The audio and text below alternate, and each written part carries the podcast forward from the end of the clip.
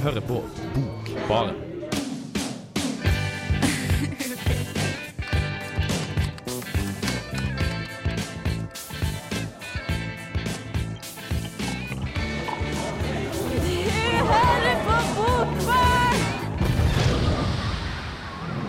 Hallo og hjertelig velkommen til Bokbaren, Radio Revolts eh, litteraturprogram. Det har gått enda en uke siden sist gang vi hadde sending, og vi har lest, og vi er i studio, og vi er ganske klare for å dele noe innmari morsomt, noe litt eh, gjenbruk, eh, og noe fra en gammel dame i dag. Kristoffer, du har med deg den gamle damen. Mm, min gamle dame Mia Berner. Hun, eh, hennes debutroman, i hvert fall i Norge, som heter Et leskur av vind. eh, Le-skur av vind. Klarer egentlig ikke å si det. Nei, Nei. Det, det lover godt. Mm. Vi gleder oss til å høre om det. Eh, Maren, hva har du med deg i dag? Eh, jeg har med meg eh, Nå står det faktisk helt stille, hvordan er det mulig? Eh, Audun Mortensen sin nyeste. Som eh, Det er ikke så rart at det står stille, for hva er tittelen? eh, Det er veldig slemt å spørre om. Jeg faller ut hver gang jeg jeg skal si det. det er, ja, det er Og- 27 530 ord. Nei, 19 tegn. 19, altså det. Tegn. Med mellomrom. Ja, sannelig. Jeg lover deg at boken har gitt mer inntrykk enn det virker som når jeg snakker om tittelen. Ingrid, husker du hva du har lest? Ja, ikke, ikke like vanskelig tittel. 'Over brua' heter min eh, roman av en eh, debutant. Den, eh, det bærer nok litt preg av at han er debutant, men ja. Det er verdt å se litt på, kanskje. Ja, det blir bra. Vi skal uh, høre på en låt før vi uh, skal høre enda mer om uh, Mia Berner og Kristoffer og boken vi ikke vet helt hva heter. Men her kommer i alle fall Torgny med Grønn ekstra. En kåt sommerdag i 1923 møttes blikkene til Hufsa og et rødt lakenteppe og noen gode kalde. Produktet ni måneder senere ble Mia Berner. Hun var en eksentrisk, belest, bereist og en beelska filosof, sosiolog og forfatter. Dette er kanskje litt av grunnen til at et leskur av vinden litt fjernt for en ung mann som føler seg kunstnerisk når han knytter skoen. Sjøl om jeg møtte henne ganske motløs, så dro han meg opp. Jeg vil bygge et leskur for vinden. Der kan han sitte og hente seg inn når han er trøtt. Diktsamlinga er tredelt. Første delen heter Hav. Et sentralt tema i den første delen er ikke nødvendigvis anger, mer betenksomhet for hvordan ting ble som de ble. Det er vel den mest melankolske delen av diktsamlinga. Pryda av et narrativ som skriver navnet sitt i sand og ser ut mot havet. Når vi begge er døde, kan vi være sammen. Dag og natt, natt og dag. Sitte og tie eller jobbe med hvert vårt. Felle en kommentar om en bok vi har lest, og diskutere. Se samme morgentåke lette, bortenfor samme klynge av hus. Jeg savner ham alltid når vi er sammen. Men er han langt borte, langt og lenge, er det savnet jeg savner. Mia Berner ga bort mange av sine dager til en øy utenfor Göteborg, som heter Tørna. Kaller også andre del av diktsamlinga for det bostedet hun hadde i omtrent 20 år. Andre delen består av en liten smak av de reisene hun hadde i ryggsekken. Berner skriver også om romantikken rundt livet hennes, blant annet om det åtte år lange ekteskapet med Pentti Sorkoski. I Beograd blir gatene feid av folk fra Makedonia. I Skopje er det albanere som feier gatene. Når gatene i Tirana blir feid, er det poetene som feier. Verdensmennesket Mia Berner syntes det var godt å dele ut tankene hennes hun hadde om ting og uting. Og noe av det hun likte, var litteratur. Berner har et veldig vidt spekter. Laszlo Nagi, Øygunn Winkler, Otto Ville Kussinen og forfattere som like kunne vært figurer i barne-TV, for min del. Diktsamlingen avsluttes med Berners sitt forsøk på en diktoppskrift. Dikt skal være fragmenter av følelser eller tanker. Det skal ikke være en samtale med leseren, mer som når de hvisker abstrakte, obskure anekdoter tatt ut av hennes gamle dager. Den var fin. Et leskur for vinden ga mer enn jeg hadde forventa. Kanskje, hvis det er stormfulle dager, så kan man søke ly. Et leskur for vinden. Selv om det ikke er en lyrisk bauta. Det var eh, Kristoffers anmeldelse av Mia Berners 'Et leskur for vinden', som jo kom ut etter at Mia Berner var død. Mm. Ja, hun skrev, eller redigerte i hvert fall, diktene på Sengeleie i Oslo. Og han som hjelpa, det var Steinar Oppstad, som er litterær konsulent i Kolon forlag. Ja. Så ja. Men du fortalte jo litt om Mia Berner som person, og vi trenger ikke å snakke så veldig mye om hvordan hun var, men, men eh, kan du gi en litt sånn rask beskrivelse av hvordan hun ser ut? Uh, Ergert hufsa med et rødt lakenteppe. Oh, ja, det, var- det du sa, ja. Jeg har fått en litt sånn våt eh, liten drøm om at du og Mia Berner går rundt i et eh, rødt sengetøy og roper eh, Ezra Pound, den egentlige Messias, og så henger dere opp i et tre og later som dere er larver. Egelt, Hva, hva eh, er det du du har vært på fest med Nei, din, og så er dere bestevenner. ja. Ja, det er skjønt det. Eh, Det står egentlig i boka. Vi lever i hvert fall i, sammen i fantasien din, Ja. uh, og det er jo ganske interessant. Uh, Mm. For For nå klarte du å, å sette meg helt ut, Um, men vi kan jo gå fra dine erotiske fantasier til Mia Berners uh, tematikk i denne diktsamlingen. Ja, både død og eksistens og kjærlighet og både en og andre. Så hun har litt vidt eh, spekter, i hvert fall på tematikken. Og, men diktene er jo ganske enkle og lett. Det er jo bare på 50 små sider. Diktsamlinga. For det er, altså Hun har samlet sammen alle dikt hun har skrevet gjennom et langt liv, er det sånn? Nja, hun har i hvert fall skrevet veldig mange på svensk. Eh, men det er vel ikke det. Hun har skrevet en prosasamling før. Uh, og noe sammen med hennes ekte mann, eh, som heter Penti Sorkoski, eller Sorgaski, som var en dikter i Finland. Men, så det er, det, er, det er en helhetlig samling. Det er sånn at det er en, en sammenheng i diktene, og ikke liksom fragmenter fra, fra et liv, som jeg egentlig så for meg. Eh, Ja, eller det er tredelt. Ja. Så jeg har en som jeg sa at i det i sted at um, som handler om havet. Og egentlig ikke handler om havet, mer om å se tilbake på ting og hvordan de kunne ha vært. Og et som handler om litteratur. Mm. Og en om kjærlighet og hennes uh, menn i livet. For det så jeg at ble trukket frem et sted på det store internettet. At noen av disse diktene, eller en del av tematikken Jeg tror også hun har gitt ut noen fortellinger før om, om eh, sex. Og eh, da var det en som sa det at det er så flott at noen skriver om sex mellom gamle mennesker, liksom. Eh, men må det være gamle mennesker som har sex i denne diktsamlingen, eller kan det være for oss? For deg, for meg og for For alle Ingrid og alle som er her. Eh, fra det jeg forsto, så hadde det ingenting med gamle mennesker. Nei. Det er vel ganske aggressiv kvinnenarrativ som eh, bare sluker opp en mann et av diktene. Ja, som heter. 'Morgen med Pound og Joyce'. Så hvis du liker Pound og Joyce og kvinnekjønn, så ja, er det anbefaling. Ja, Mm. da var hele allmenn litteraturvitenskap på Dragvoll eh, frelst. Ja. Eh, det er en anbefaling der, altså. Vi skal høre på litt musikk igjen. Da er det Broen som skal spille 'She Will Never Shiver' for oss. Bokbarn på Radio Revolt gir deg stemningsfulle opplesninger av det beste innenfor poesi. Den lyse buen av naken hud. En ung jentes fullkomne fullkomne full, En ung jentes fullkomne bryster. Oi, ja. Det, det er ikke alltid like enkelt. Bokbarn. Bokbarn. Det er ikke alltid like enkelt i Bokbarn heller. Eh, vi har hørt på Osk med 'The Gesture I Just Made Means I Love You'. Og nå skal vi snakke om en som vi har eh, liksom eh, gradvis introdusert litt eh, i flere av sendingene dette semesteret. Som vi har snakket om fordi han nettopp har blitt medlem av Forfatterforeningen. Og jeg snakker selvfølgelig om Audun Mortensen. Og Maren, du har lest den siste diktsamlingen hans. Det har jeg, og nå har jeg tatt meg sammen siden eh, åpningssamtalen vår, så nå kan jeg gjenta at den heter 27519 tegn med mellomrom. Det var liksom ikke det mest opplagt å gå rundt og huske på hele tiden. Jeg vet ikke om man Nei, men jeg var så det fornøyd. Jeg husket det så lenge. Og så på en måte i det øyeblikket man går inn i studio, så bare er det vekk.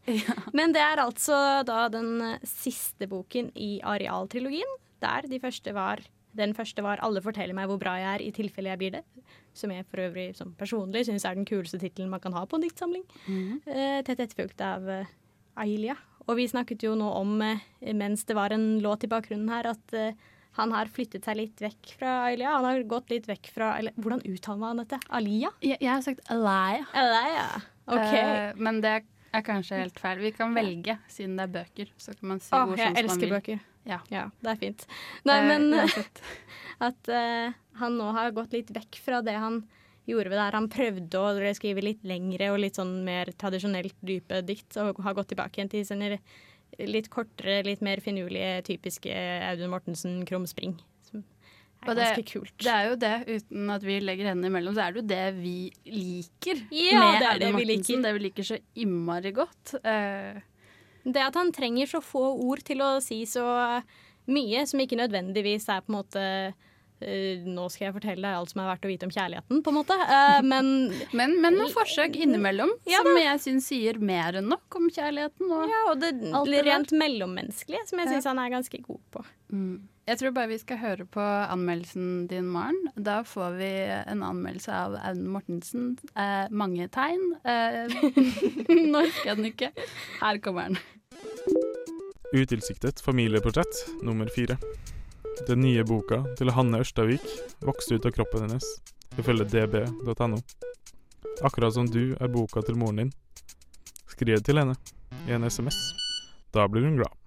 Fra det øyeblikket man først får Audun Mortensens nyeste diktsamling i hendene, skjønner man at dette ikke dreier seg om noen vanlig bok.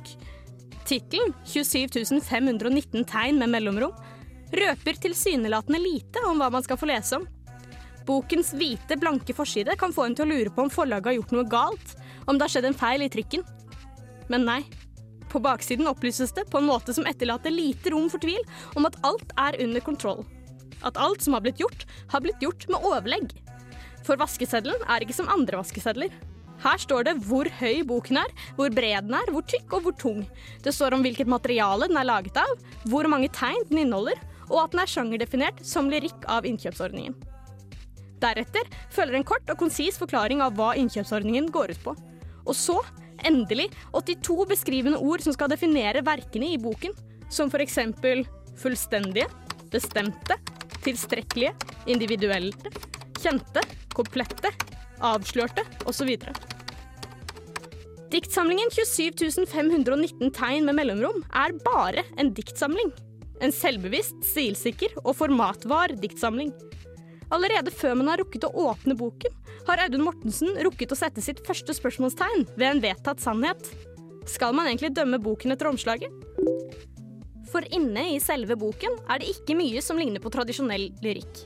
Diktene er korte, de fleste er svært vittige, og en god del av dem er hverdagslige observasjoner av den typen man ellers bare ser på Twitter.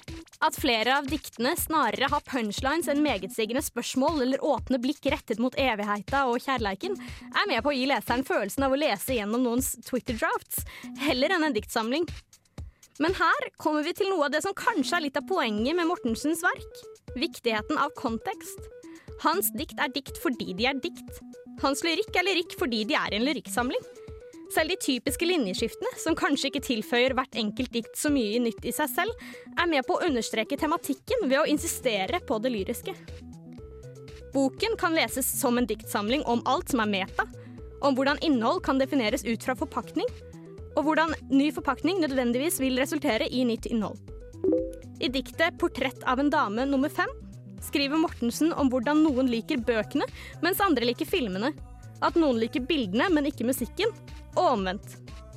Innholdet i en bok og filmatiseringen av det kan gå ut på det samme, men mediet det presenteres i, endrer alt og gjør at det appellerer til forskjellige mennesker på forskjellige måter.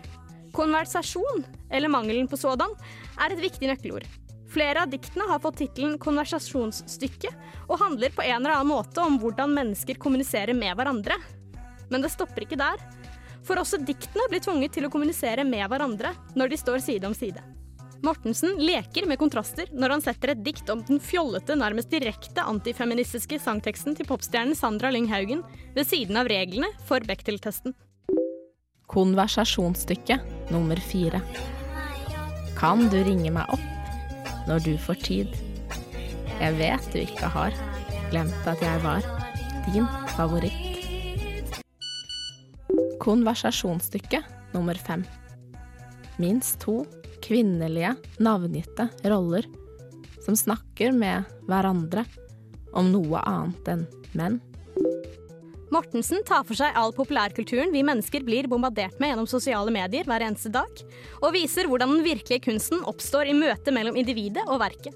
Hvordan referansene våre har alt å si for hvordan vi opplever diktningen. Hva kontekst har å si for hvilke referanser vi bruker til å dekode verket. Altså hva vi bringer frem i verket, og hva det bringer frem i oss. Bestillingsverk. Legg denne boka på et bord.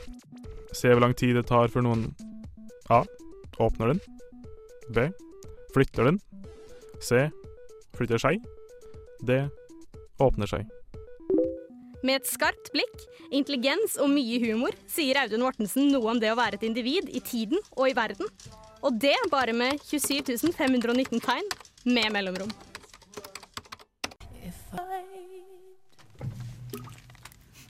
Oi, oi, oi. Nå har vi spilt If, If I Were a Boy av Beyoncé, og vi er litt uh, satt ut i Bokbaren. Det er ikke det vi vanligvis musikkproduseres med, men denne gangen så har vi sneket med denne låten. Og det er det en grunn til, fordi vi har jo nettopp hørt uh, Maren sin anmeldelse av Audun Mortensens siste bok. Og Audun Mortensen har selvfølgelig et helt lass med popkulturelle referanser, blant annet en nydelig liten sak om nettopp denne sangen vi hørte. Det stemmer. Han har en, et eget dikt som faktisk er eh, etter det jeg kan se, det lengste diktet i hele boken hans. Mm. Eh, som heter 'Personlighetstest'. Person et, eh, nei, parentes etter Beyoncé der hele teksten er eh, rett og slett sangteksten på den sangen dere nettopp hørte, med, mm. der du kan krysse av for yes or no etter hvert enkelt utsagn, som for eksempel If I were a boy, even just for a day, I'd roll out of bed in the morning. Yes or no? Uh, and throw on what I wanted. Yes or no? Og så videre. det er kjempefint. ja, det, det, er litteratur, dere. Uh, vi har jo hørt på anmeldelsene allerede. Men uh, vi kan jo fortsette å snakke litt om Audun Mortensen og hva det er med han som gjør at vi tar han opp igjen og opp igjen og opp igjen. Uh, eller kanskje hva det ikke er med han. Jeg skjønner meg ikke helt på han. Nei, altså jeg tror noe av det jeg liker best, er at når jeg viser det til folk som f.eks. ikke har gått litteraturvitenskap, uh, eller generelt som ikke er så glad i å lese av en eller annen grunn, eller hva som helst, så blir det jo bare sånn ja, men det her er jo bare vitser. Og så er jeg sånn å, du syns det bare er vitser. Det er fordi du ikke tar alle de fabelaktige referansene som jeg tar. Og så ja. føler jeg meg skikkelig sånn superior, og så bare yes! Men de referansene de er jo litt på forskjellige eh, plan. Da, ja, det er ofte. sant. Jeg blir noen ganger glad fordi at jeg tar Miley Cyrus-referansene til Audun Mortensen, og så tenker jeg ja ja, jeg følger jo litt med. Føler du deg ung og trendy, Vida? Uh, ja, ganske. Ja, ja fint. Berlin-referansene, de, å, det er det beste. Rulletrapper i Berlin og sånn. Ja, men han har på en måte klart å kombinere alt i hele verden. Så han har liksom en stadig kontrast mellom det populære og det intellektuelle. Og uh, jeg tror noe av det som er litt underlig, det som gjør at man blir sittende og lese den gjerne flere ganger, er den gnagende følelsen av sånn Hm, jeg føler ikke at jeg tok den helt. Og herre jemni, er det en popkulturell, pop referanse jeg ikke forsto nå, eller er det en intellektuell? Og hva er i så fall verst? Og så får du en sånn liten identitetskrise, og så må du lese den helt til du er sikker på at du skjønner den, men du kan aldri være sikker på at du skjønner den. Ja, for det, det handler kanskje om valg, på en måte. At man kan velge hva man er mest opptatt av i Audun Mortensen. Akkurat som man kan velge om man liker det eller ikke, men jeg syns i hvert fall det, det vekker eh, følelser, da, som bare det. Altså, det er noe med at noen blir innmari sinte av å lese Aune Mortensen, og andre på en måte omfavner det. Jeg skjønner det ikke helt. Ja, men jeg tror det sier en del om eh, identitet, altså at eh, det er noe han har jobbet med. Det virker i hvert fall sånn. Mm. Så det er jo et poeng i seg selv. Ja, jeg vet ikke. Jeg føler uh, med Aune Mortensen at han tar meg på kornet, uh, og alle jeg kjenner på kornet, men så gjør han det ikke egentlig, fordi tenk om det bare er tull. Det er sant. Den derre hipster-ironisk distanse-greia. Som bare skremmer vannet av meg. Jeg er sånn, har jeg egentlig ikke lov til å si at jeg elsker dette fordi at han har laget det for tull, og så syns han det er kjempegøy at noen er grunne nok til å like det. Altså, Jeg blir litt paranoid, må jeg innrømme. Men samtidig så har han så forbanna godt blikk. Altså, De derre eh, øyeblikksportrettene hans er så gode at han ser så mye bra at jeg nekter på en måte å tro at han ikke har gjort det på alvor. Jeg vil at han skal mene det. Jeg Men kan vi konkludere med at det er tull på alvor? Og at vi kan like det veldig godt, selv om eh, han er litt eh, grunn. Og at eh, Audun Mortensen er den beste i hele verden. Nå tror jeg vi skal spille en låt. Den heter Jørn Animal' med 'Death by Unga Bunga'. Ja, 'Death by Unga Bunga' der, og Jørn Animal' spilte seg ferdig akkurat nå. Eh, vi skal slutte med Audun Mortensen og gå over på dagens roman, faktisk. Ja, dagens roman 'Over brua' av Lasse W. Fosshaug. Ja, og det er også en eh, flammemann. En flammemann, ja. Eh, og det som er litt interessant med denne romanen, i hvert fall sånn til en flammeroman å være, er at jeg syns den var kanskje var liksom ikke, det var ikke, levde kanskje ikke helt opp til de forventningene som man gjerne har til en eh, flammeroman. Den var, var ikke helt ja, Jeg ble litt skuffa, rett og slett. Ja, Kan jeg få lov til å lese noe? Jeg vet at dette er helt improvisert, men dette er fra Trondheim eh, bibliotek sin nettside. Hvor det står Halvveis så forventer vi noe litt utenom det vanlige når vi leser ei flammebok. Vi har vært borti noen tekster som har lekt seg litt med form og eller innhold. Eh, det er liksom noe med at når man leser flammeromaner, så skal det være noe eh, spesielt, og det har biblioteket også skjønt, men det må da være greit å gi ut bøker på flamme som er veldig opptatt av eh, innhold, og ikke å, å leke med eh, populærkultur.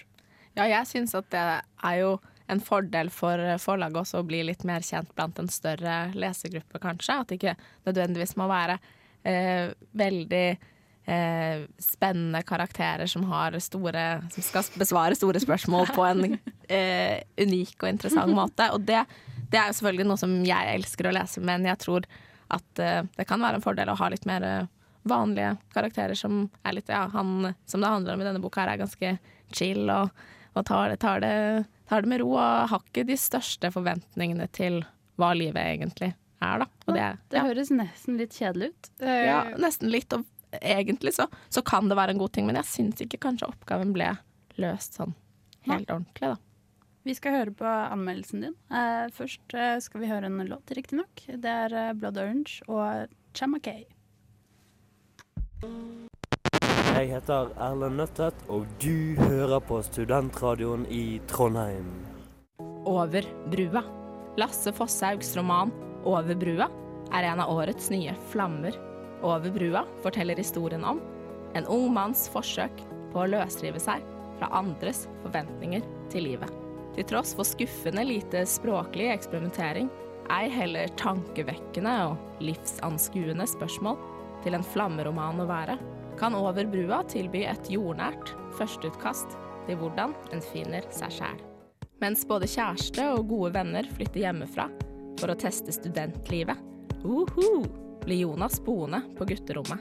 Han fikk ikke plass på noen fristende studier, så jobb på det lokale sagbruket blir en helt grei trøst.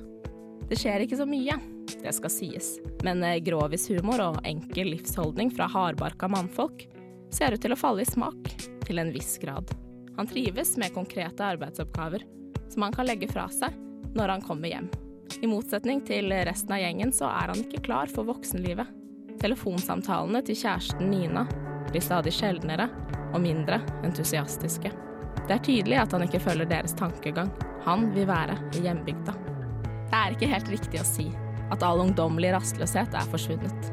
Han kjeder seg litt, og det er nettopp da han treffer Magda. En polsk arbeidsinnvandrer som han blir, tja, forelska i på en måte. De blir venner, og litt mer. Og dette gjør Jonas oppmerksom på fordommene som regjerer mot Magda og hennes landsmenn. Romanen er lagt i 1998, en tid da arbeidsinnvandring var langt mindre vanlig enn i dagens Norge. Spesielt på et lite sted. Der alle kjenner alle, kan det være vanskelig å se det store bildet. Kan du kjøre meg til et jobbintervju? spurte Magda en kveld. Ja, når da? I morgen, for eksempel, svarte hun. Hvor du har fått avtale, sa jeg. Tenkte jeg skulle innom butikkene på Jessheim og spørre, sa hun. Bare spørre rundt, liksom, spurte jeg. Ja, sa hun. Å ja, sa jeg. Kan du? spurte hun. Skal vi jobbe sjøl da, sa jeg. Kjøre til stasjonen, så kan du ta toget ut. Nei, da venter jeg litt, sa Magda. Reiste meg opp og gikk opp til mamma. Har Magda pratet noe om deg og jobber og sånn, eller? spurte jeg. Ja, hun sa at du har vært på noen intervjuer for et par uker siden, sa mamma. Blant, hun blander intervjuer med å gå opp innom folk og spørre et jobb, sa jeg. Nei, sa mamma. Jo, du har ikke noe mer enn du, eller? Folka på jobben, sa jeg. Det var ei som spurte om du var flink til å vaske. Jeg har ikke sett deg vaske siden du kom hit, jeg, sa mamma. Hva spurte du da? spurte jeg. Mamma snudde seg mot TV-en igjen. Jeg ville ikke ljuge, da, sa hun. Så hun sa nei. Ja, OK, sa jeg. Så jeg gikk opp i andre etasje og la på senga på det gamle gutterommet mitt. Fant fram et gammelt Donald-blad. Onkel Skrue var på vei til en av gullgruvene i langt vekk i stand. Det var rotor med kvakk som førte flyet. Jeg ble liggende og lese en stund. Fosshaug tegner et sympatisk bilde av Jonas. En snill, lite kravstor gutt som gir menneskene han møter, flere sjanser. Han er i det hele tatt ganske jevn i humøret, og tar få følelsesladda oppgjør med dem rundt seg. Det er deilig til en forandring å se en hovedperson som ikke stiller større spørsmål enn det er realistisk å besvare.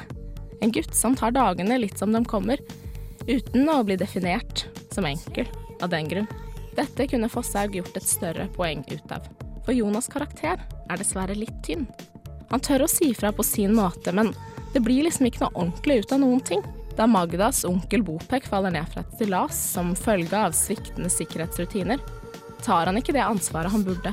Og i diskusjoner på arbeidsplassen stiller han spørsmålstegn ved andres påstander, men sier lite som får dem til å åpne øynene. Ordentlig. Dessverre gjenspeiler tiltaksløsheten i Jonas' personlighet også selve romanen. Det er ikke helt tydelig å se hvor Fosshaug egentlig vil. Over brua har få språklige sidesprang. Den er enkel og lett forståelig, og får derfor en større målgruppe enn andre forlagsvenner. Med en brei Romerike-dialekt får språket en mer personlig vri, som kommer de stereotypiske karakterene til gode. Den dempende, litt enkle tonen blir både romanens styrke og svakhet. Det er ikke mange spørsmål som blir besvart skikkelig, og personanalysene kommer til kort. Hvem er egentlig Magda? Eller Jonas, for den saks skyld? Leseren står igjen med litt for mange ubesvarte spørsmål, og historien blir mindre original enn den hadde trengt å være. Fosshaug har absolutt et potensial, men han må nok grave litt dypere neste gang. Rammene er solide, de, men over broa blir nok en skisse som ikke får henge så altfor lenge. This is Alan Moore, and you're listening to The Book Bar. Noen skal ikke henge på din vegg, altså, Ingrid? Nei, det skal ikke det være et lite språklig bilde jeg prøvde meg på der, men ja. Eh, jeg syns eh, dessverre at ikke denne romanen greier helt å få til det som kanskje hadde plan om, men eh, jeg tror at Fosshaug bare trenger litt mer tid på, på å jobbe med, ja, jobbe med ting, så blir det bedre. Ja, da sier vi det sånn. Eh, vi setter i gang med en ny låt. Eh, det er Jack Johnson som gir oss 'Radiate'. Radiate med Jack Johnson, og vi nærmer oss slutten i denne sendingen av Bokbarn. Bokbaren. Eh, så vi må begynne å snakke om hva vi skal gjøre om en uke. Eh, men før vi gjør det, så må vi jo fortelle hva vi har eh, funnet ut i dag. Vi har hatt Kristoffer eh, Ervik, som har snakket om eh, Mia Berner og eh, noe ly for vinden. Ja, et le-skur, i hvert fall. Ja. Mm, et skur i le. Er det en anbefaling, Kristoffer? Uh, ja og nei, er jo kult. Uh, for den som har lyst til å lese den, som passer for den. Men ikke uh, nei. nei. Ikke deg. Nei. OK, greit. Audun Mortensen, da var han. Ja, det er en anbefaling til alle. Ja, det er kjempebra. og du da, Ingrid? Nei, det er ikke helt en anbefaling av Over brua, men det er anbefaling å følge litt med på forfatteren om kanskje han kommer med noe bedre en annen gang. For han er jo en debutant. Han er en debutant, og det skal sies at det er ikke en enkel oppgave. Nei. Og det er ting der som er bra. Er han har jo klart å bli utgitt. Det er mange som aldri blir det, tenker jeg. Ja, ikke sant. Ja. ikke sant. Men for å snakke om hva vi skal ha neste tirsdag, så er vi blitt klare for årets eventyrsending. Mm. Vi skal ha temasending, og vi skal bare snakke om eventyr i en hel time. Og hvorfor skal vi det egentlig? Ja, Maren, var det ikke du som hadde et genialt uh... oh, ja, er det meg vi ser på nå? OK. Um, vel, det er jo oktober, dere. Det er blitt kaldt i luften. Og eh, det er på tide å krype opp under et ullteppe med en kakao. Og hva passer bedre da enn et eventyr? Ingenting, sier jeg dere. Nei. Ingenting. Vi er helt enige. Så stor eh, litteratur og eh, dramatiske hendelser, for det er ganske skummelt, mange av de eventyrene. Jeg tror vi skal ha med oss Brødrene Grim, mm og en natt', og ikke minst eh, Asbjørnsen og Mo. Selvfølgelig, liksom. Hallo. Det blir altså neste uke på Radio Revolt til samme tid. Nå skal vi avslutte med en låt, men før det så skal jeg si takk til Kristoffer Lærvik, Maren Skolem, Ingrid Kveim Skarholt og meg selv, Vida Sundset Brenna. Vi snakkes. Her får du Richard Ramirez eh, med 'Sun Kill Moon'.